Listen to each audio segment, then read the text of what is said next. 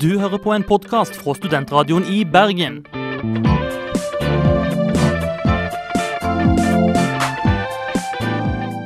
Denne og mange andre flotte podkaster finner du på podkast.srib.no.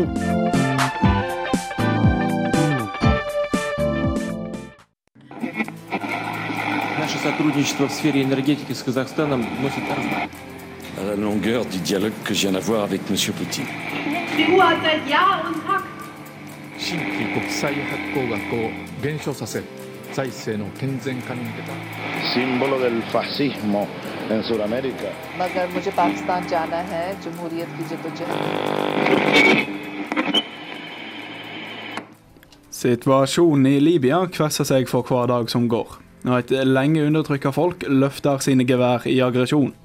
Gaddafi blir gradvis tvunget ut av diktatorstolen og er på flukt. Kan folket ta landet tilbake? Du hører på utenriksmagasinet MIR på Studentradioen i Bergen. I studio i dag sitter jeg, Karoline Noranger og Eirik Steen Olsen. Vi kommer til å se på pressens arbeidsforhold på bakken i Libya, og har kontaktet Fredrik Ræsvik for å høre om hans opplevelser der. Jeg kom fra Egypt og ble møtt av soldater som sto i Gaddafi-hærens uniformer. Ved hjelp av bl.a. Frank Aarebrot ser vi på Nato-operasjonens legitimitet i Libya og de videre utfordringene ved regimeskiftet. Men du skal ikke gå lenger enn til Syria før du ser en situasjon der eh, FN ikke kan gripe inn. Nettopp fordi at det er helt krystallklart at eh, i hvert fall minst én av vetomaktene vil nedlegge veto. Og til slutt skal vi høre et innslag av deg, Eirik Steen Olsen, hvor du har snakket med professor på UiB, Knut Vikør, om Libyas indre strid. De har først og fremst eh, vært forent om det å styrte Gaddafi. Og det betyr jo at de også er eh, kanskje ikke helt sikre på hvilken vei de vil gå videre. Vi skal også sende andre episode av Mirs programproduksjon med tittelen 'Jakten på den osmanske arv'. Mirs vandring på Via Militaris. Før den tid går vi som normalt over til ukas låt på Studentradioen i Bergen. Dere har hørt den før. Det er naturligvis Rebekka og Fiona 'If She Was Away'. Rebekka og Fiona med 'If She Was Away'. Du hører på utenriksmagasinet MIR på Studentradioen i Bergen, og det er Libya som står i søkelyset. Som våre lyttere sikkert vet, så er Libya et av landene som under massedemonstrasjonene som har fått tilnavnet Den arabiske vår, gikk til opprør mot det sittende regimet. Og uh, I motsetning til Egypt og Tunisia så ser, de, ser vi derimot at situasjonen i Libya har eh, utvikla seg til å bli en fullstendig krig, eh, der Nato derimot har tatt si, den sivile sida etter et FN-mandat. Ja, etter flere tunge kamper ser det ut til at opprørerne har klart å kjempe Gaddafis soldater tilbake. Og den gamle diktatoren han har aldri stått like svakt som nå. Og Det har jo vært flere journalister i landet, og media har jo da flere ganger rapportert om vanskelige situasjoner. Ja, vår kollega Cornelius Hemmingut Rønbeck har vært i kontakt med en av dem. Fredrik Ræsvik, som selv tok turen til Libya tidlig i konflikten for å få høre om situasjonen der. Situasjonen for journalister i Libya har vært problematisk. Som flere andre arabiske autoritære ledere er ikke Gaddafi en spesielt stor tilhenger av vestlige journalister. I likhet med Syria har det blitt forsøkt å skjule regjeringens grusomme voldshandlinger. Det ble enda mer komplisert med Natos involvering, da journalistene har blitt sett på som spredere av opprørsstøttende propaganda. Flere har blitt kidnappet av Gaddafis menn, og noen, deriblant prisvinnende fotograf og filmskaper Tim Hetherington, har til og med måttet bøte med livet. Jeg tok kontakt med TV 2s utenrikskorrespondent Fredrik Grasvik for å høre om hans opplevelser av sin tur til Libya. Føler at den vestlige presse har lyktes i å gi oss et godt bilde av situasjonen i Libya? Delvis. Eh, Vi har vært på bakken og dekket konflikten i forholdsvis stor grad og hatt mulighet til å bevege oss til dels ganske mye rundt. Men det har jo vært eh, manglende dekning fra Gaddafis side og de som støtter han. Og det har jo eh, også sakene båret ganske sterkt preg av. At pressen dekker den ene siden mer enn den andre. Hvilke utfordringer er det du har møtt i forhold til å få gjort ditt journalistiske arbeid? Det aller vanskeligste, og det gjelder jo alle journalistene som har vært der nede, har jo vært å komme inn på Gaddafis side og snakke med de som støtter han. Fordi hans eh, soldater har eh, hele tiden oppfattet den vestlige pressen som motstander av Gaddafi-regimet. som noen som er en del av, av de vestlige styrkenes propagandaapparat. Og Derfor har også vestlige journalister blitt mål for Gaddafis soldater. Den kaotiske situasjonen rundt ulike soldater og tjenestemenns standpunkt har gjort det vanskelig for journalister å forholde seg til væpnede personer en møter på veien. Som Græsvik sier, er det ofte usikkerhet om hvor deres lojalitet ligger hen. Er de banditter, Gaddafis menn, eller med i opprørsstyrkene?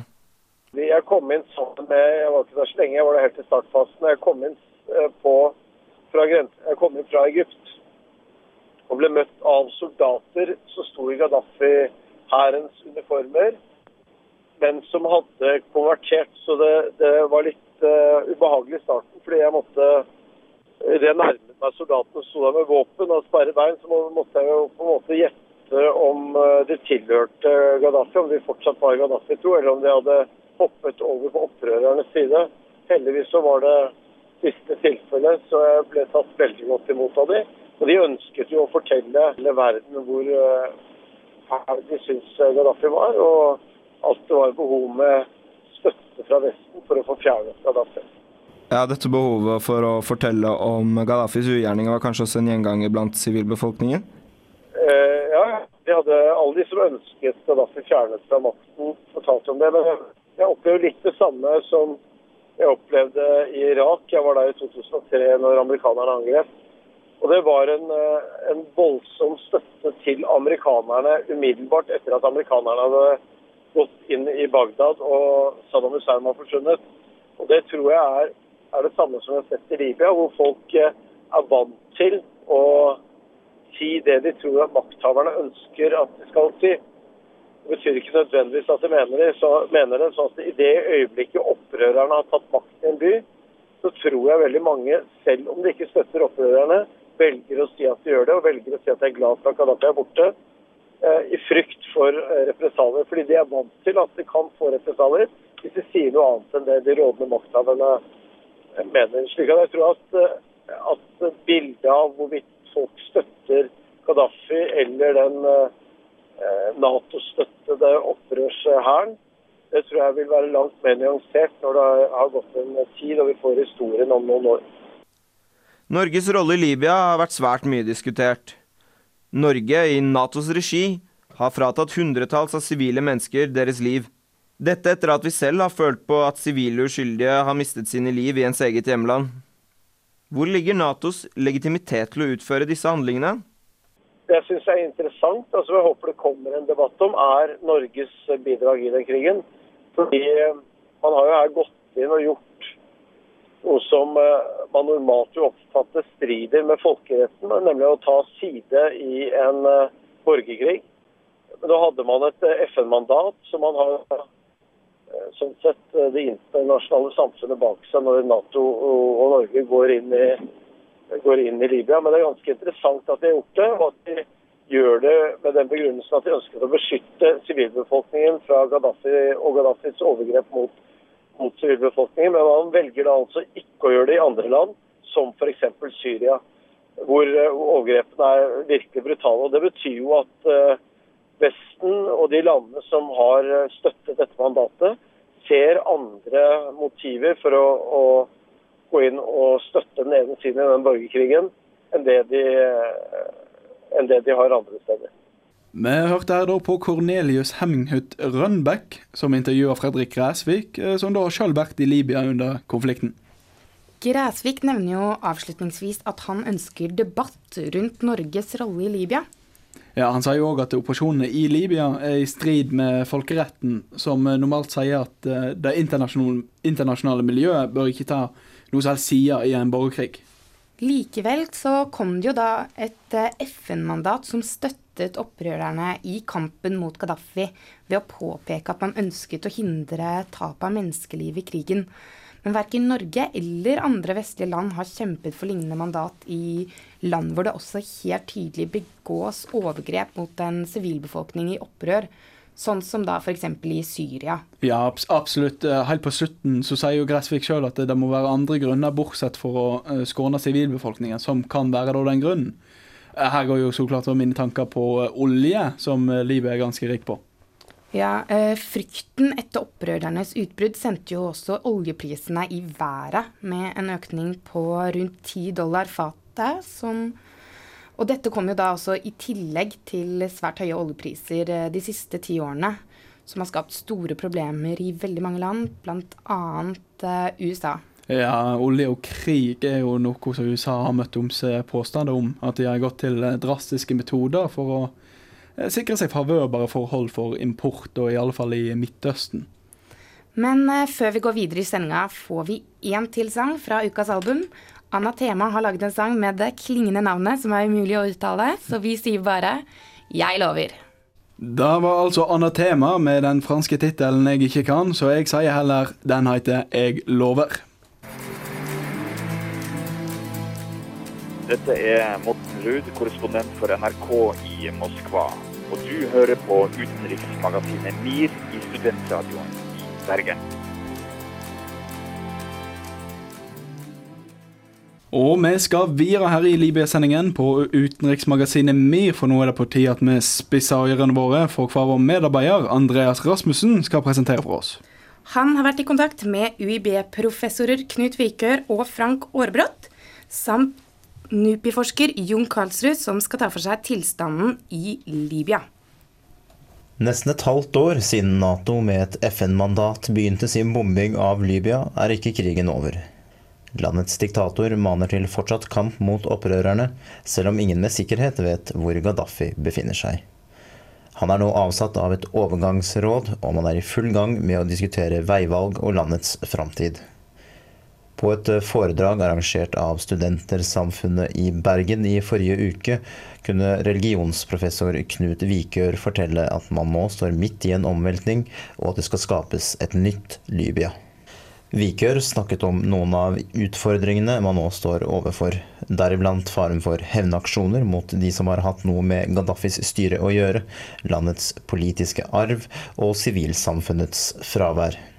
Der er det en motsetning kan være mellom Overgangsrådet, som sier at de ønsker den typen forandring, ønsker å ikke gjøre den feilen som en gjorde i Irak, men på den andre siden da de mer sånn hotheads i de revolusjonære tvert imot akkurat vil gjøre det. Så det er det administrative. Men det andre er på det politiske systemet. Det er altså hvordan skal eh, Libya fungere politisk. Og der er det ingenting å bygge på. Der må det skapes nytt. For uh, under Gaddafi så har det jo ikke eksistert noe politisk system i den forstand. Uh, og heller ikke før Gaddafi. Det er ikke slik at man kan trekke inn gamle politikere fra det gamle styret før Gaddafi. Det var et kongedømme som ikke fungerte, og som i den grad fungerte, var eneveldig.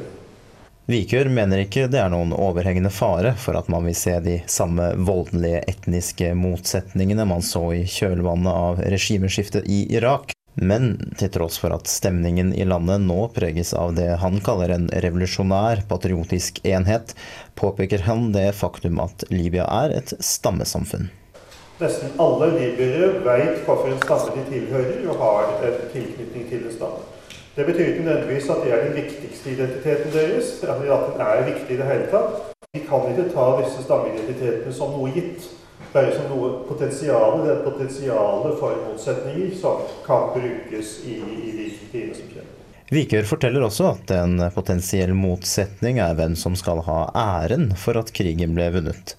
Motsetningene mellom opprørsstyrkene som tok Tripoli i vest, og Benghazi-opprørerne i øst. Disse der borte i øst det er ikke de som har vunnet krigen. Vi nekter å anerkjenne deres autoritet dersom de vil prøve å påtvinge oss en Gaddafi-general.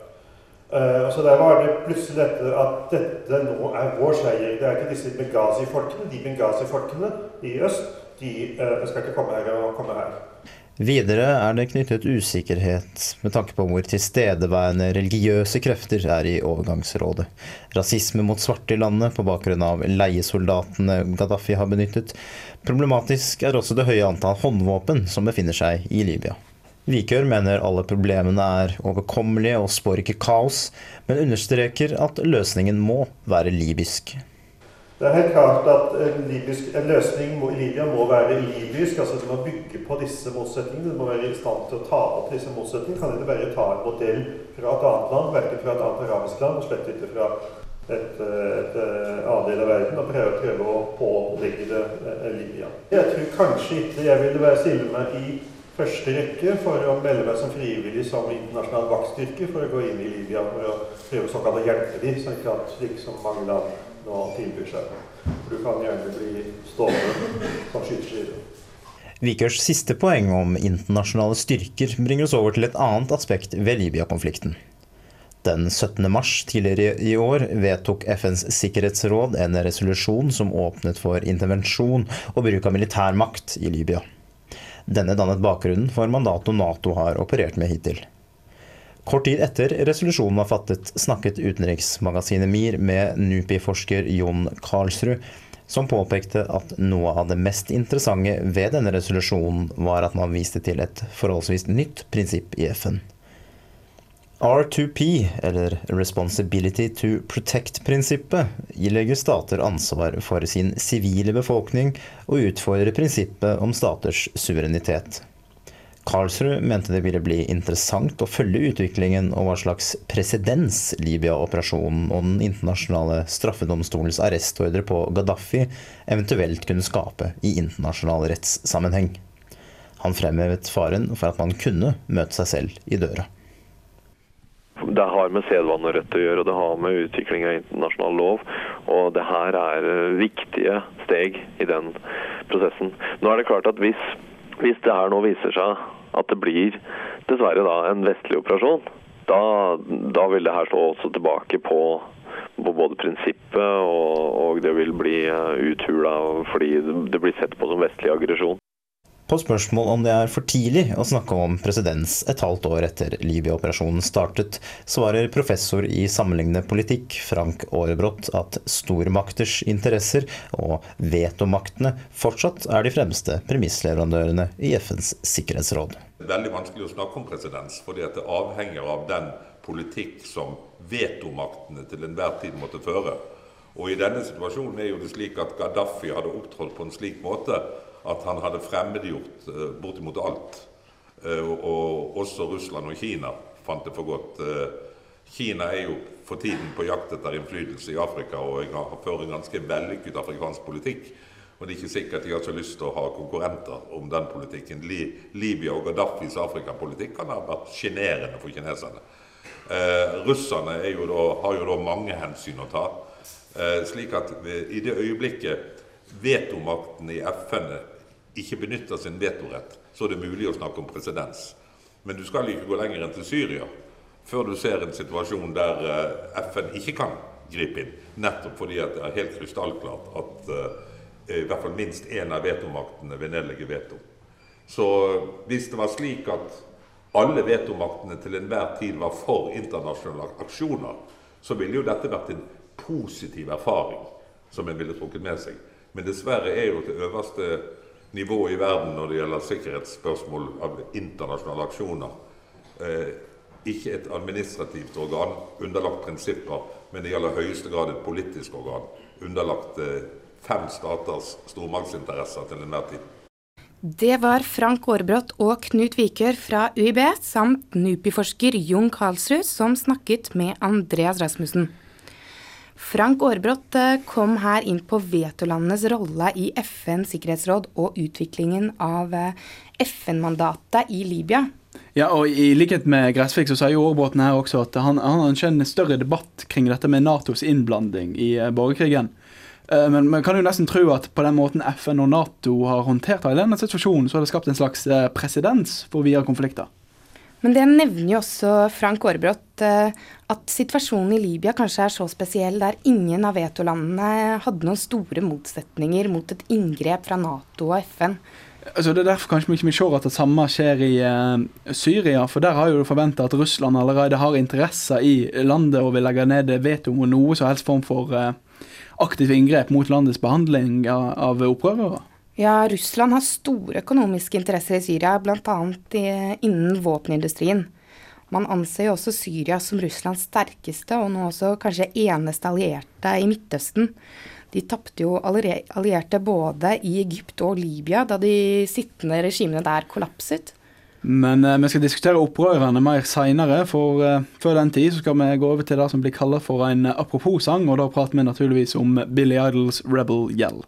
En klassisk Billy Idol-slager som var med på å definere 80-tallet, og vi spilte den til ære for opprørerne i Libya her på utenriksmagasinet MIR på Studentradioen i Bergen.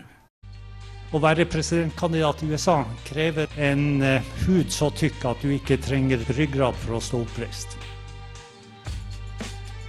Nå hører du på utenriksmagasinet MIR her på Studentradioen. Eh, Som våre lyttere sikkert vet, så er Gaddafi på flukt, og opprørerne ser ut som de har vunnet striden om Libya. Så da er det spørsmålet på hvor samla en ny regjering i Libya kommer til å være. Det har vært strider og konflikter innad i opprørsbevegelsen. Ja, dette har jo du sett nærmere på i ditt intervju, Eirik, med professor ved Humanistisk fakultet her ved UiB, Knut Vikør. Opprøret i Libya har snart nådd sitt mål. Tripoli, hovedstaden i Libya, har falt, og Gaddafi er på flukt. The National Council of Libya, opprørsrådet og de som vil nå mest sannsynlig ta over for landet, har fått stor internasjonal støtte. Men hvor intrigert og samkjørte er selve opprørsbevegelsen? Jeg har tatt kontakt med Knut Vikør, professor her i UiB og Midtøsten-ekspert, om disse indre stridene innad i opprørsbevegelsen. Det første jeg spurte professor Viker, var hvor stor støtte Opprørsrådet har innad i bevegelsen.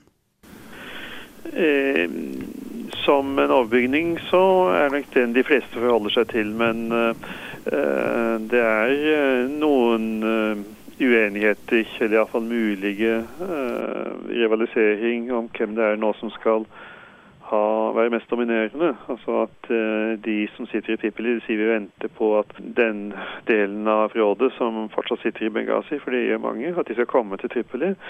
Og det er nok en viss eh, rivalisering til at det var jo tross alt vi i vest, altså vi fra Naposa-fjellene og vi Misrata som frigjorde Tripoli, men ikke de der borte i Benghazi. Så akkurat det er nok muligheter for at noen oppfatter dette mer som Benghazi-dominert enn eh, et nasjonalt råd. Men uh, dette er kommet så langt enda at de har begynt å sette seg imot rådet. De bare ønsker større innflytelse. Føler du da at eh, selve regjeringen, om eh, du har oversikt over det, er altså de personene som dominerer i den regjeringen, er for det meste fra Benghazi, da?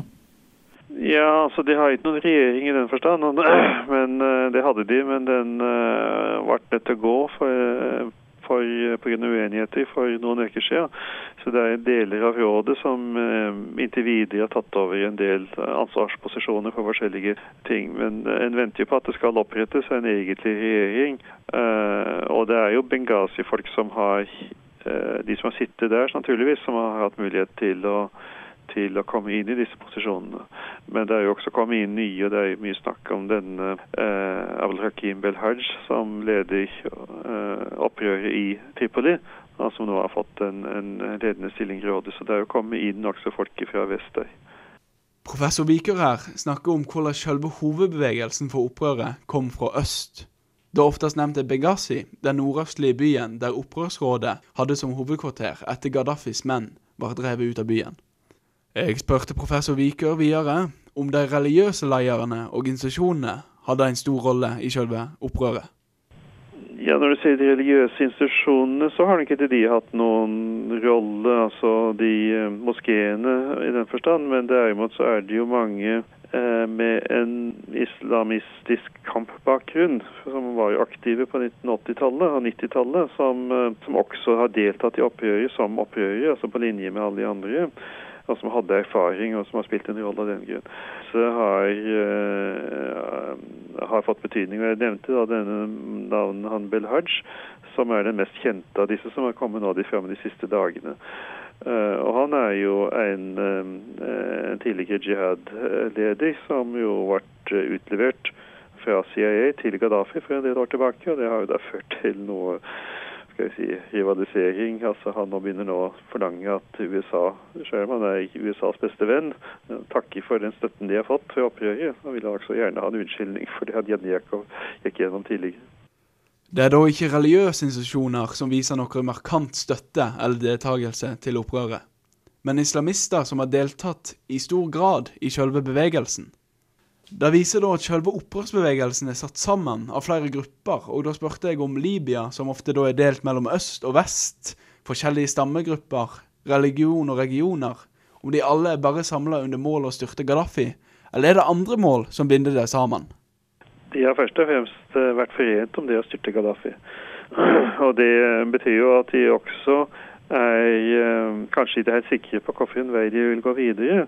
Og dette, den regionale tingen eh, som du nevnte, er en av de skal vi si, konfliktlinjer eller skillelinjer som kan oppstå. For det er helt klart at, som du sa, så er oppgjøret spredt seg over hele Libya. Men det var mye mer solid basert i, i øst, med total oppslutning om papirene i øst enn i de andre delene av landet. Eh, men det er klart at det vil jo dukke opp politiske motsetninger og stammemotsetninger, som du nevnte, kan jo gå på tvers av vest og øst. Eh, og forholdet mellom disse religiøse eh, jeg nevnte, og mer sekulære krefter blant oppgjørene Eh, alt dette er politiske eller mulige motsetninger som, kan, eh, som må finne sin løsning på en eller annen måte da, i det nye systemet. Religiøse og regionale konflikter har vært nevnt her, som kan tyde på at det er en utfordring å samle hele Libya til samarbeid, nå som Gaddafi er fjernet fra makten. Derfor spurte jeg Vikør til slutt om hva han mente var den største utfordringen til en ny regjering som skal ta over makta i Libya. Det er nok eh, Delvis er det administrasjonen å få ting til å rulle og gå igjen. Det tror jeg nok de klarer uten forferdelig store vansker. fordi de har jo annet mye penger. Eh, men det er jo sikkerhetssituasjonen og at eh, det er så forferdelig mye våpen i omløp i, i Libya at oppgjørene har jo vært uorganisert og derfor heller ikke hatt noen kontroll med hvem det er som har våpen og hva de har brukt den til. Uh, og det ville være svært viktig for de nye rådene å få integrert uh, de som kjemper i en eller annen form for sikkerhetsstyrke, slik at de kan få under, underordnede kontroll og få samla inn våpen slik at de ikke kan bli brukt til private hevnaksjoner osv. Videre, videre fremover. Utfordringer blir det naturligvis for å få et land med så mange forskjeller, religiøse, kulturelle og regionale, til å samles etter Gaddafi sin jernhand er borte.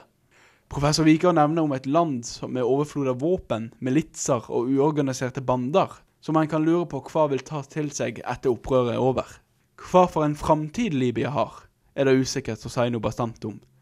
Men kanskje en kan håpe på at tiden etterpå blir iallfall ikke så vond som den var under Gaddafi. Libya går nå en vanskelig tid i møte. De som har vært tilknyttet eller støttet Gaddafi, frykter represalier, som vi hørte Græsvik si i intervjuet tidligere. Ja, og tilstanden i Libya er jo enda kaotisk. Det er jo usikkerhet på hva som, er, hva er framtiden for en ny regjering som skal ta over makta i Libya. Men eh, spørsmålet er jo hva som venter de sivile, og eh, hva et politisk system som vil bygges opp. Og da hvordan et land så delt opp i regioner og grupper skal holde seg samlast. Man kan nok eh, forvente ytterligere debatter som følge av de politiske beslutningene som er tatt i det internasjonale miljøet. Eh, vil måten borgerkrigen i Libya har blitt håndtert på, sette presedens for fremtidige konflikter?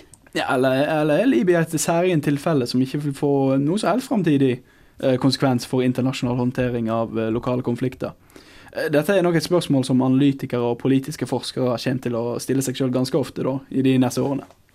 Nå skal vi bevege oss vekk fra Libya og over til Liverpool. Vi skal nemlig høre en låt fra ukas album, Liverpool-rockerne Anna Tema med sangen They Die. Det var annet tema med sangen They Die fra ukas album. Eh, vi har kommet til den delen av sendinga hvor vi skal sende vår ekstraordinære innslag fra serien Jakten på den osmanske arv. Aslak Rødder, Fredrik Sagafoss og Åsgeir Kjetland Rabben har nemlig tatt turen til det gamle osmanske riket i sommer, og har en haug med spennende informasjon å tilby oss. Eh, og Sist sending fikk vi høre den første episoden av denne serien, som da tok sted i Wien. Og denne, denne gangen har guttene beveget seg til Beograd og intervjua Lubisa Rajik. Utenriksmagasinet MIR følte at vi endelig virkelig hadde kommet oss ut i verden. Vi hadde lagt Wien bak oss og satt på toget mot Beograd smilende. Kommandanten som 328 år tidligere ledet den osmanske hæren mot Wien, ble òg transportert til Beograd i Serbia for å bli henrettet. Og Åske, Fredrik og jeg følte at vi fulgte i hans fotspor. men heldigvis ikke hans skjebne. Idet vi kom inn i det gamle Jugoslavia, undra vi litt over om vi kunne se huset hvor krigsforbryteren Ratko Mladic hadde gjemt seg. Vi var omringa av spennende historiske hendelser. Velkommen til andre del av jakten på den osmanske arv. Mirs vandring på Via Militaris. Vel framme i Beograd var den utbomba politistasjonen et av synene som tidlig møtte oss. Disse etterlevningene etter Nato-bombingen i 1999 sto som et mektig monument etter stridighetene på Balkan.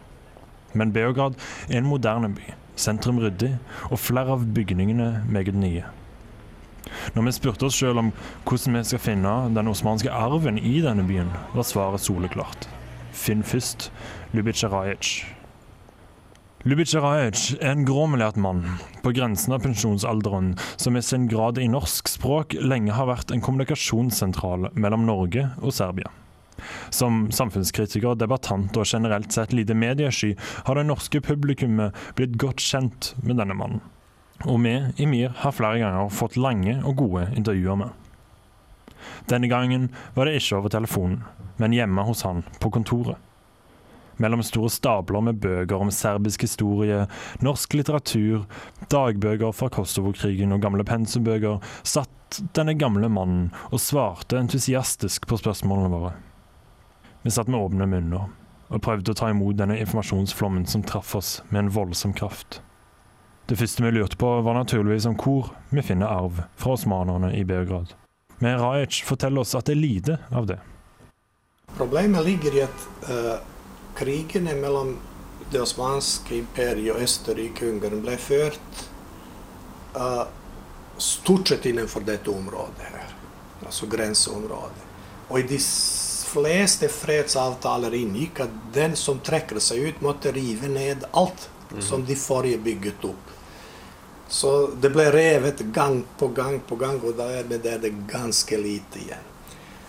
Uh, på 1900-tallet, da, de, uh, da det spanske imperiet begynte å trekke seg tilbake, så gjaldt det for de nye nasjonalstatene om å kvitte seg med osmansk, den osmanske arven.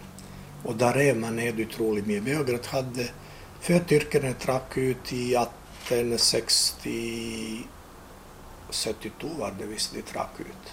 68 eller 1872, det måtte jeg kontrollere. Så hadde Beograd vel 19 moskeer, nå er det bare én igjen. Samtlige unntatt den ene ble revet ned. Senere var vi sjøl på leiding etter denne moskeen, som sto igjen helt alene som et muslimsk samlingspunkt i en ellers ganske ortodoks kristen stat. Det var ikke lett, men ikke så langt ifra den zoologiske hagen sto det en liten bygning med kuppel over seg, som skilte seg ut fra de ellers vanlige bebodde husene som sto rundt. Uh, Åsgeir, Aslak, jeg tror, vi, jeg tror jeg ser han her. Det var ikke noe heftig syn, selv om jeg gikk gjennom en ganske heftig leiding. Men det var fascinerende å se gjerdet rundt moskeen og de to slappe politivaktene som bevokta den i solsteiken. Underlig at det ennå trengs. Men tilbake til arven, for det finnes jo òg arv i kulturen som ikke nødvendigvis er synlig. Finnes det noe osmansk her? Man ser i klesdrakten, delvis hos bondebefolkningen, ikke moderne folk. Om det er på landet eller hvor det er jo unge, de går jo sånn kledd som vi er her. Uh, men så ser man uh, i den litt si, mindre synlige materielle kulturen i musikken, i matvanene, i uh, folkevisene, i tekstene, i omgangsformene. i måten familien er organisert og familiebåndene organiseres. I elementer fra den osmanske kulturen som er glidd inn i litteraturen, i språket. Veldig mange ord i serbisk eller serbisk er av orientalsk opphav. Og albansk består jo omtrent halvparten av tyrkiske ord. Halvparten er blandede opphavelige albanske og romanske italienske ord for det meste. Rajic sier at vi må lenger sør for å finne tydeligere spor etter osmanerne. Kanskje det er naturlig, for i både Albania og Bosnia er flertallet av befolkningen muslimske. Og da er vi inne på det brennheite temaet religion. I Wien lærte vi jo at FPØ arbeider mot islamisering av det østerrikske samfunnet. Men hvordan var det her i regionen? Var det sånn at osmanernes okkupasjon tvangskonverterte uskyldige, på samme måte som Olav den hellige gjorde i Norge? Det var ikke så forferdelig viktig med religion blant høyere lag tidligere. Forskjellen var at under det osmanske imperium betalte muslimene ikke skatt, men måtte dra i krig. Mens de kristne betalte skatt, men måtte ikke dra i krig. Så for så lenge det ottomanske imperium var uh, framstormende militærstat, så var det faktisk mye bedre for de kristne bøndene enn under kristne føydalherrer. For under kristne føydalherrer måtte de betale skatt og dra i krig. Her måtte de bare betale skatt. Når det begynte å gå nedover, så ble det verre. Men for uh, føydalherrene lønte det seg faktisk å gå over til uh, islam.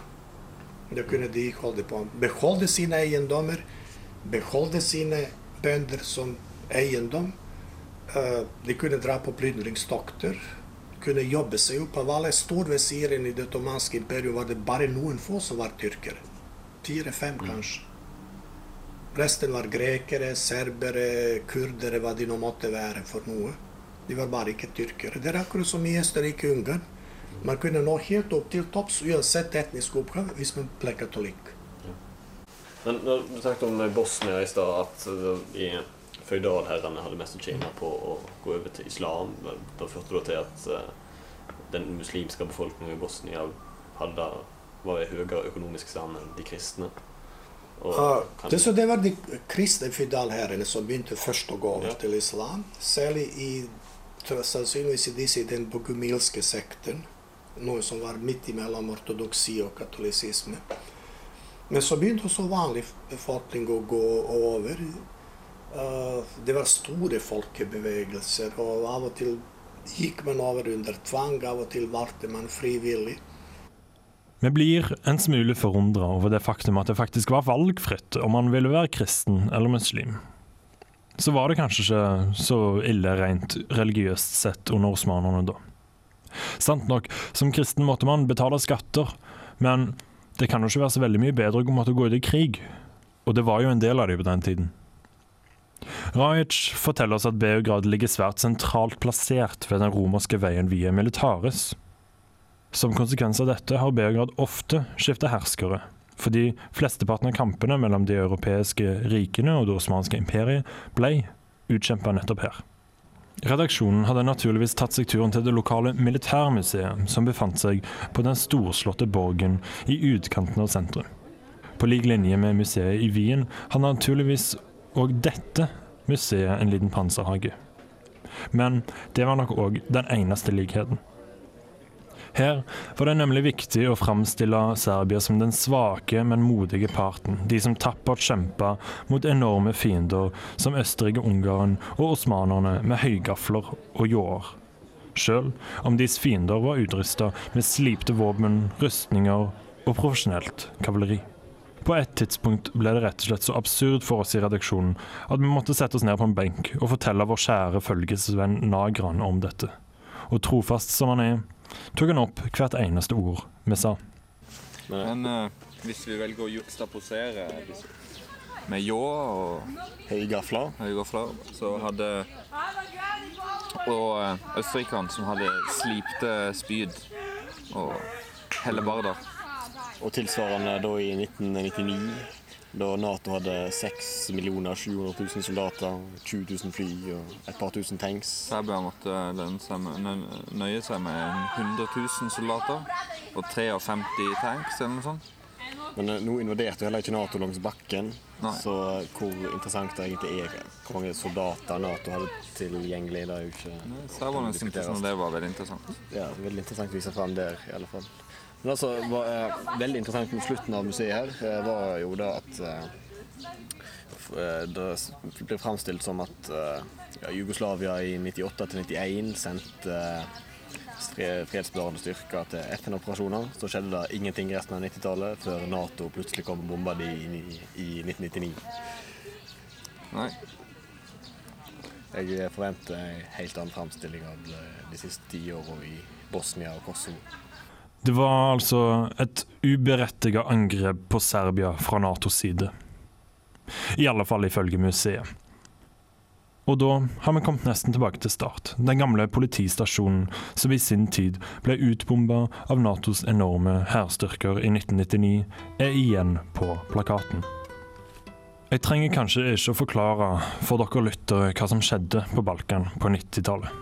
Kanskje husker dere at dere satt som unge tenåringer, og nyhetsankerne viste blodige bilder fra en hatskrig utkjempa ikke så alt langt ifra deres eget hjemland.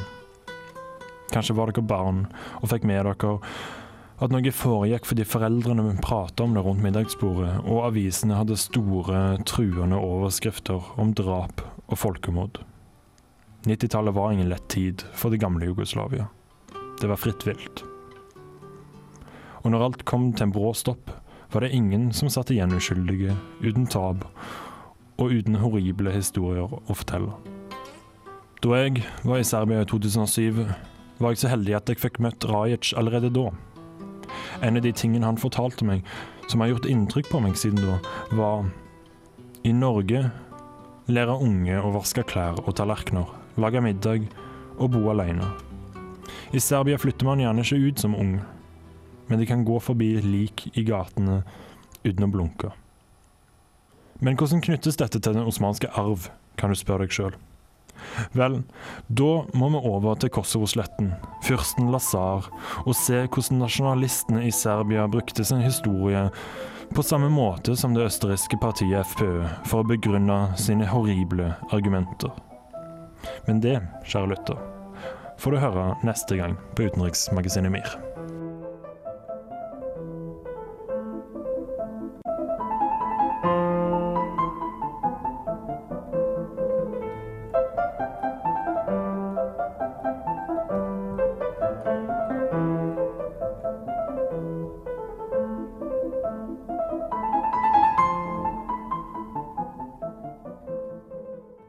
Aslak Rødder presenterte altså Åsgeir, Fredrik og Aslaks jakt etter den osmanske arven i Beograd, hvor de intervjuet Ljubisa Rajic. Og eh, som Aslak sa, så må dere høre med på eh, utenriksmagasinet MIR neste uke, for da kan dere få med dere fortsettelsen av denne jakten. Vi har kommet til veis ende i denne sendingen, hvor vi har hatt et blikk på Libya. Vi har sett på journalisters situasjon, Natos legitimitet i Libya og stridigheten mellom opprørerne. Det har vært Karoline Noranger og Eiriksen Olsen som har vært i studio, med Kristina Simmer som tekniker. Medvirkende i sendingen har vært Cornelius Hemminghut Rønbekk og Andreas Rasmussen. Og vår produsent har vært den aldeles hyggelige Ingrid Thorvaldsen. Har du lyst til å høre denne eller tidligere sendinger igjen, ligger alt lett tilgjengelig på iTunes og på våre nettsider srib.no. Dersom du har noen kommentarer eller spørsmål, må disse gjerne sendes til oss på umir at srib.no. Etter oss her på Studentradioen i Bergen kommer filmprogrammet Kinosyndromet, så pass på at jeg kan få med dere da. På gjenhør.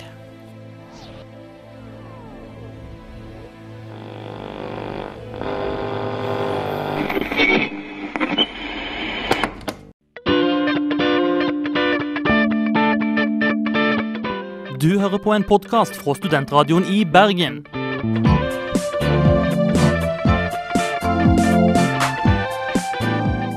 Denne og mange andre flotte podkaster finner du på podkast.srib.no.